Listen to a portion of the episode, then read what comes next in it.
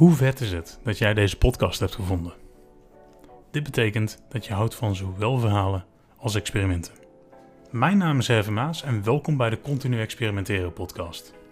Deze podcast combineert het vertellen van verhalen met experimenteren. De experimenten vormen de basis van het verhaal dat ik vertel en zo vertel ik het verhaal van It Continues en de mensen waarmee ik werk. Het is een continu verhaal dat je meeneemt in de ontwikkeling van It Continues, mezelf en anderen. Waar haal ik de inspiratie en ideeën vandaan? En hoe maak ik daar iets interessants van? Want om eerlijk te zijn, het proces is simpel, maar niet makkelijk. Ik neem je mee in het ontwikkelingsproces en bij de experimenten die ons vertellen of we op het juiste pad zitten. Gaandeweg zullen andere ondernemers en interessante personen aan het woord komen om hun visie op de experimenten, hun bedrijf en hun leven te geven. Want in tegenstelling tot wat de meesten denken, iets nieuws begint niet met een idee, maar met de eerste actie die een idee tot werkelijkheid maakt. Vervolgens helpen experimenten bij het bepalen van de juiste acties en het ontginnen van de benodigde grondstoffen om het product beter te maken. En nu voel ik je denken, wat jij nu beschrijft lijkt op growth hacking.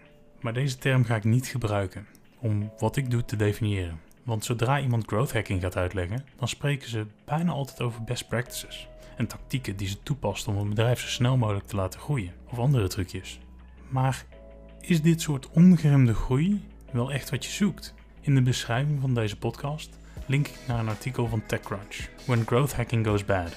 En lees dit eens, want vaak wordt growth hacking gebruikt om ego-strelende statistieken te helpen groeien. En natuurlijk gaat er ook veel goed, want ik wil niet alle growth hackers afvallen of in een kwaad daglicht zetten. Maar ik ben van mening dat veel growth hackers zich enkel bezighouden met de statistieken en niet met het verhaal en de bottlenecks van een onderneming.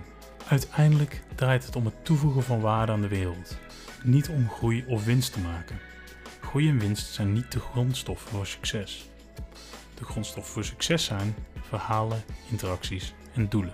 En gedurende de experimenten die we uitvoeren, gaan we deze grondstoffen vinden, ontginnen en vervaardigen tot wat de wereld van waarde is.